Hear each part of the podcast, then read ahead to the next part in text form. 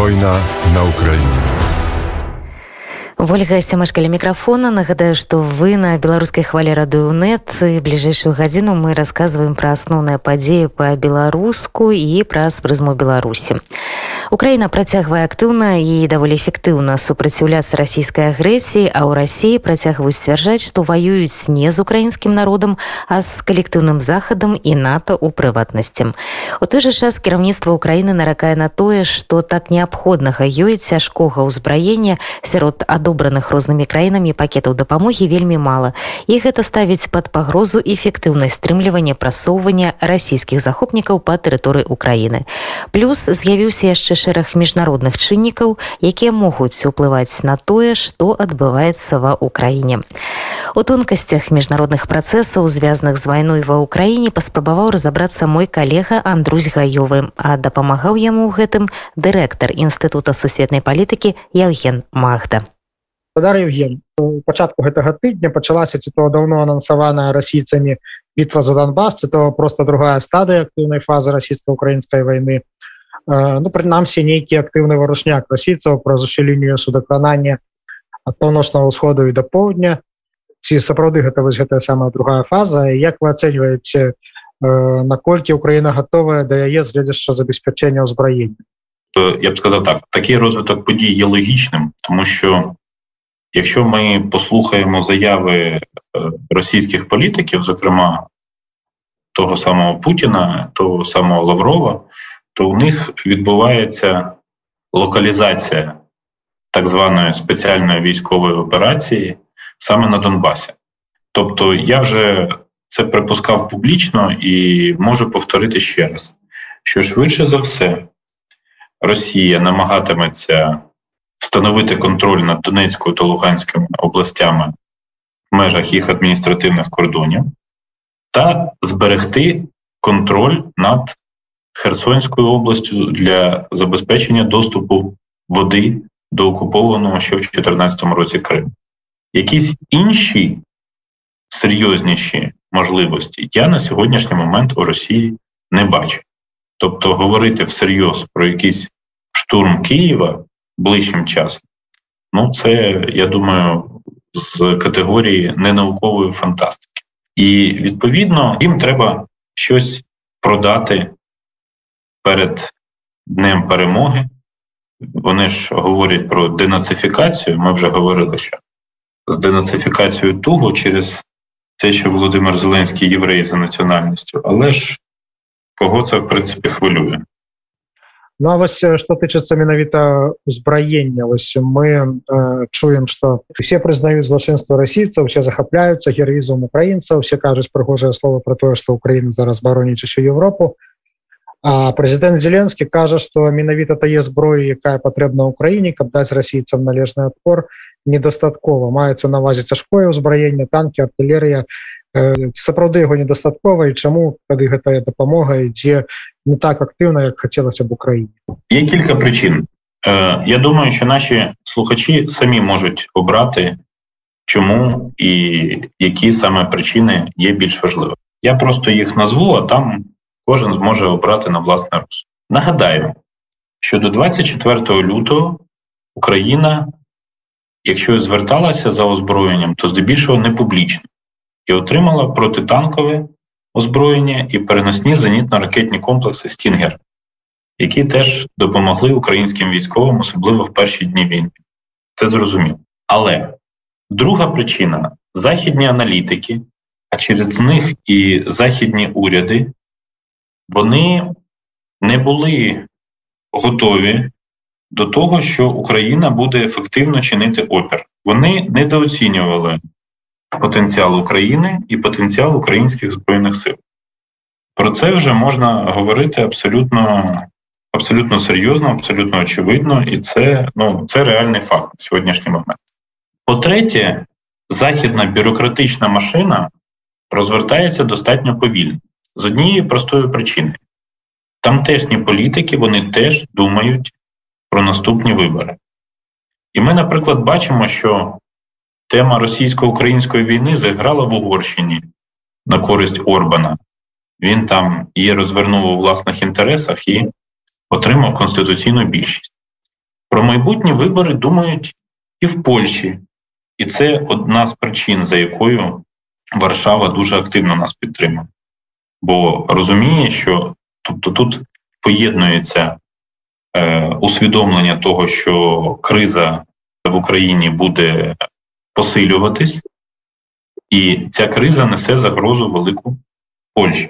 Наступна причина те, що вся номенклатура зброї, яку просить і вимагає для себе Україна, ну вона розосереджена по різних країнах, є різне законодавство. І, наприклад, Румунія внесла зміни до законодавства для того, щоб постачати Україні летальну зброю. Тобто, ну ми бачимо, що спрацьовує принцип: той, хто чинить опір, той будуть підтримувати. А той, хто капітулює, того звичайно підтримувати не буде. Це зрозуміло. Ще одна причина: Україна, хоч і є е, в програмі розширеного партнерства з НАТО, але не є членом НАТО. І відповідно певні обмеження, ну наскільки мені відомо, там пов'язані з обладнанням, яке на мігах і на су 27 були встановлені, вони теж існували, тобто не могли їх передати там певні певне обладнання. Але зараз цього тижня Україна, як повідомляє CNN, е, отримала фактично можливість 20 літаків е, підняти і відповідно їх використати. Тому це дуже комплексно, але е, зрозуміло, що чим Україна буде ефективніше чинити опір, тим більше буде бажаючих їй допомагати. На сьогодні, в кращому випадку, половина країн Європейського Союзу і НАТО, і там, і там надає Україні реальну допомогу. Але, наприклад, рішення Італії про надання Україні саме військової техніки, це для мене було ну була е, несподіванка, так само, як і рішення Нідерландів про передачу важкого озброєння. Тобто є суттєві зрушення. І, хоча, наприклад, та сама Німеччина там вона е, вирішує, то, тобто, що вона скоротила, як пише більд, е, обсяги е, військової допомоги, ну і відмовилась від передачі важкого озброєння. Але сам факт передачі озброєння і військової техніки від Німеччини це дуже показовий для багатьох європейських політиків. Москва заявила что перадала Киеву нейкі проект дамовы ці ёсць звесткі што ім наколькі у цяперашніх умовах імаверны працяг перамоваў вядома што дэлегацыі чакаюць у стамбуле пляцоўку для сустрэчы зеленскага з пуціным прапанаваў Ізраілю Ерусаліме ці магчыма ўвогуле перамаўляцца калі агрэсар адкрыта заявляе аб імкненні адрэзаць ад Украіны часткі тэрыторыі спрабуе наступаць па ўсім фронте збіраецца ладзіць нейкі рэферэндум аб стварэнні нейкай там хернер у херсоне херсонской вобласці. І самое галоўнае чым казаў зеленскі працягвае захады па знішчэнні абаронцаў марыуполя разам з мірнымі жыхарамі якія хаваюцца у падземных паверхах азов сталі наколькі імаверна гэтыя перамовы і што на іх можна дасягнуць сьогодні Путін заявив що він наказує не штурмувати азовсталь а фактично її заблокувати. Ну і тим самим приректи захисників Азовсталі або на смерть, або на капітуляцію. Взагалі, перетворення півмільйонного до війни за населенням Маріуполя на руїни, на повністю на 90% зруйноване місто, це воєнний злочин. Воєнний злочин достатньо очевидний. Я думаю, що Росія усвідомлює, що ефективно захопити Маріуполь і примусити його захисників здатися, вона не може. Тому вона пішла на такий маневр.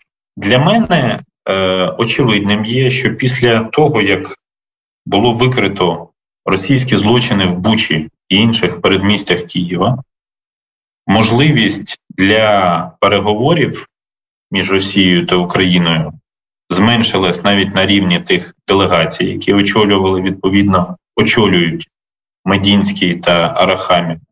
А зустріч двох президентів вона взагалі сьогодні ну, виглядає чимось фантастичним. Просто е, Путін не вилізе зі свого бункера для того, щоб зустрічатися з Зеленським. А Зеленський буде дуже сильно зважувати на те, чи зустрічатися з Путіним, бо буде розуміти, що буде серйозна шкода завдана і його іміджу, і багатьом іншим речам. Тому треба розуміти, що так чи інакше війна має закінчитись якимись переговорами, але я особисто прихильник того, щоб ці переговори проводились з ефективним посередником. Таким я б е, бачив е, в ролі такого посередника на сьогоднішній момент, очевидно, групу колишніх, підкреслюю, колишніх президентів та прем'єрів країн, е, ну тобто можна сформувати цю групу на паритетних засадах з Росії та з України. Я маю на увазі, щоб обирали Київ та Москва учасників цієї групи, але щоб учасники цієї групи могли засвідчити певні речі, які, ну, про які буде йти мова. Тобто нам потрібна е, посередницька структура, яка буде створювати якийсь елемент довіри. Бо без цього ну нам нам я думаю буде буде складно. Україна вернула еўразвязу запоўненым той апытвальнік які зеленскому привезла пару тыдняў таму урсула фондерляен наколькі высокія шансы уваходжання Украіны у ЕС вось па нейкай такой схеме якая прапрацоўвалася як хутка гэта можа адбыцца? І ці зможа Кіев скарыстацца еўрапейскімі фондамі для адбудовы разбуранай эканомікі інфраструктуры падчас вось гэтага працэсу кандыдацтва ці яшчэ нейкага статуса які спачатку будзе мець знову тут кілька компонентів відповіді в Україні побутує думка, що наша держава дуже швидко стане членом Європейського Союзу. Я думаю, що це не зовсім так. Тобто, я думаю, що заяву на вступ приймуть у України цього року, але вона не стане повноцінним членом Європейського Союзу у 2022 році. Україна зробила величезний стрибок вперед на шляху європейської інтеграції, але вона не зможе подолати всі бюрократичні процедури і подолати скепсис з боку вже існуючих членів Європейського Союзу. Так же було з іншими країнами в мирний період, і просто прибрати переговорний процес щодо вступу в ЄС, я думаю, ніхто не зможе. Це очевидно. Наступне, я думаю, що офіційний Київ зробив ставку на євроінтеграцію порівняно з просуванням до НАТО для того, щоб серед іншого не дратувати Росію. На мою думку, це хибна позиція, тому що теза про так звані гарантії безпеки вона не знаходить об'єктивного підтвердження в позиціях наших партнерів, і про це заявив, наприклад, Мевлют Чавушаглу, міністр закордонних справ Туреччини. Європейська інтеграція вона в політичному сенсі краще продається. Можна згадати про події Революції Гідності, Євромайдану, можна говорити про те, що зараз Європейський Союз нас краще приймає. Плюс в Європейському Союзі тут немає потреби в тому, щоб всі були, е, ну тобто, наявність України окупованих Росією територій не є перепоною для вступу до Європейського Союзу. Але ілюзії в цьому питанні вони будуть дуже дорого коштувати. І відповідно нам треба розуміти, що на сьогоднішній момент Україна, в тому числі завдяки діям Росії, стала найбіднішою країною Європи. Це об'єктивна реальність на сьогодні.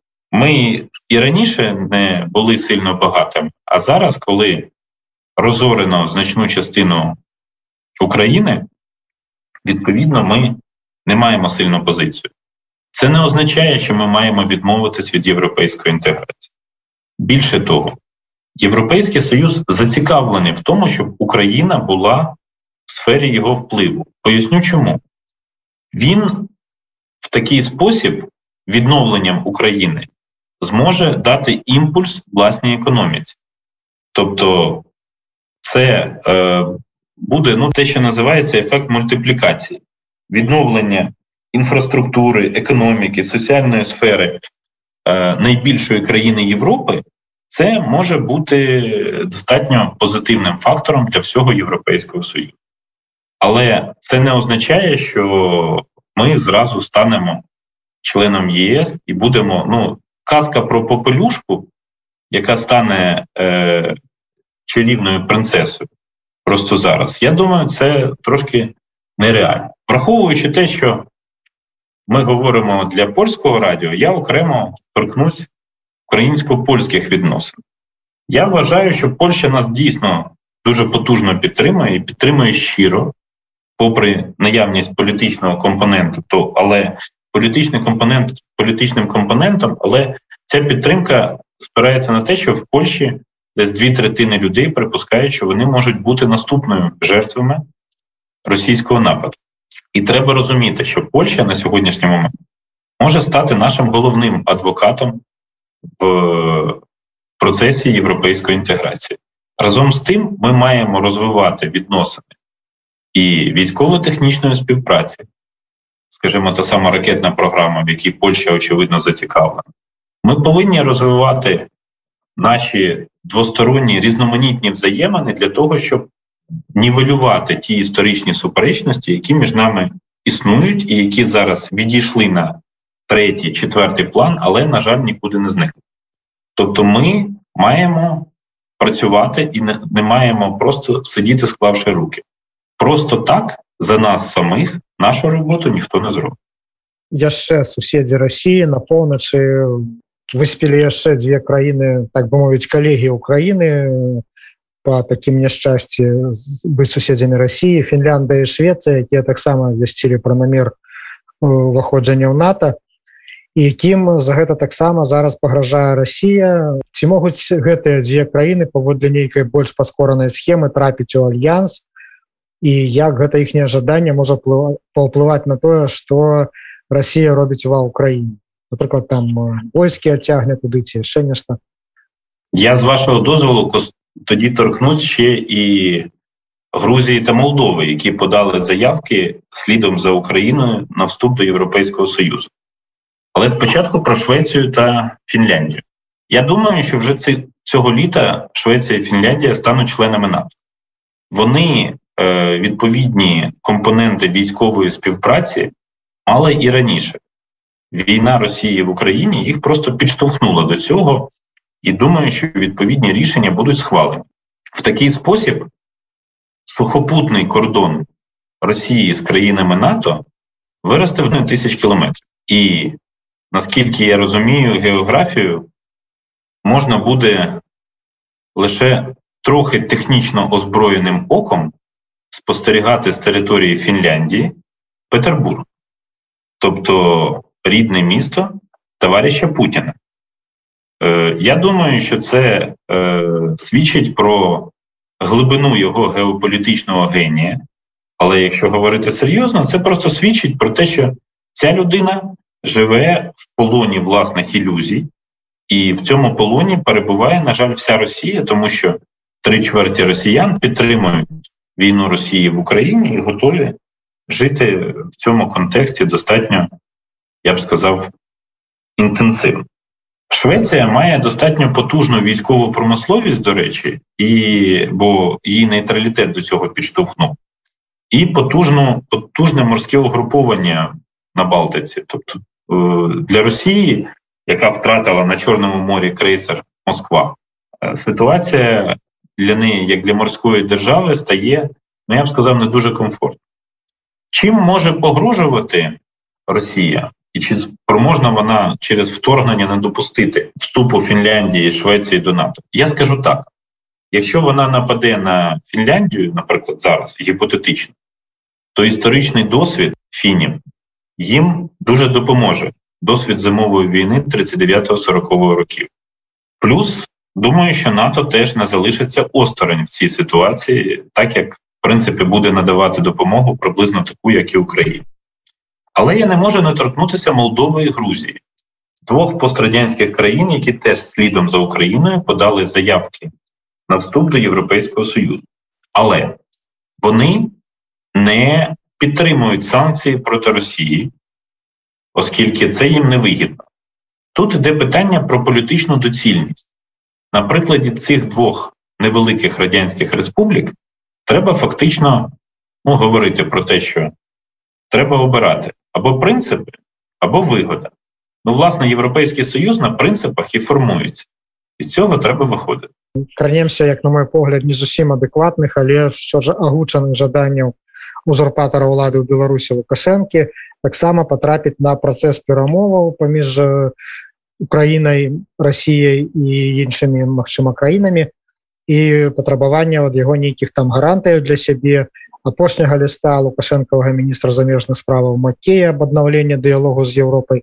Ці можа уявіць кесці якія там гаранты хоча лукашенко что он там выключыць Польшу літву знато ці што і ці успрымае нехта на захадзе гэта все сур'ёзна і наколькі імаверна можа стаць прызнанне Беларусі разам з Росіяй наадварот спонсорамі тэрары спонсорам тэрарызму я зараз спостерігаю за повідомленнями незалежних білоруських медіа білоруського гаюна про те, що ну, телеграм-каналу, про те, що з території Білорусі практично припинилися вильоти авіації да, в Україну, і ракети не летять на територію України. Тобто Білорусія шукає собі якісь шляхи відступу.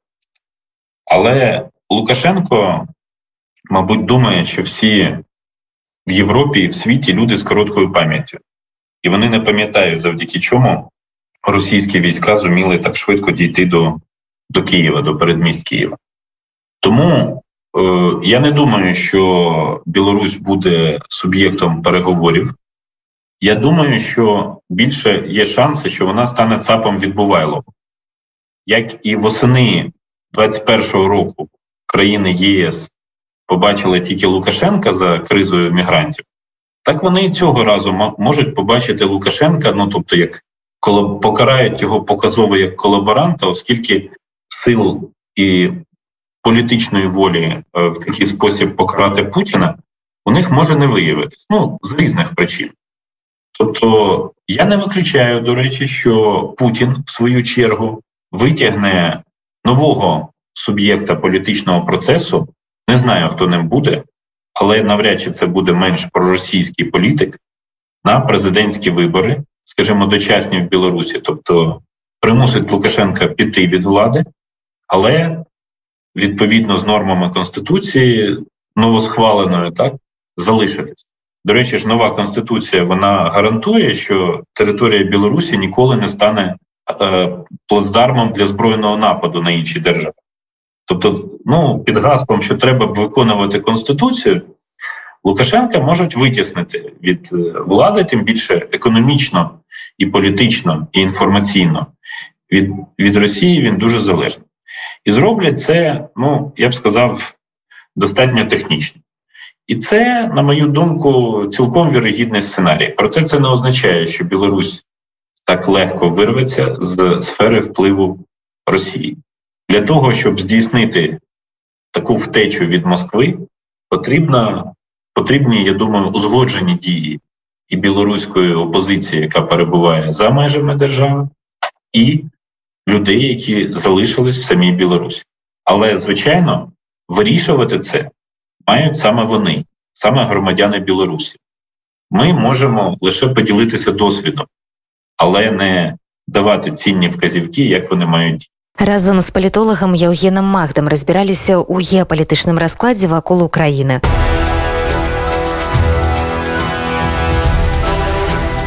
Война на Украине.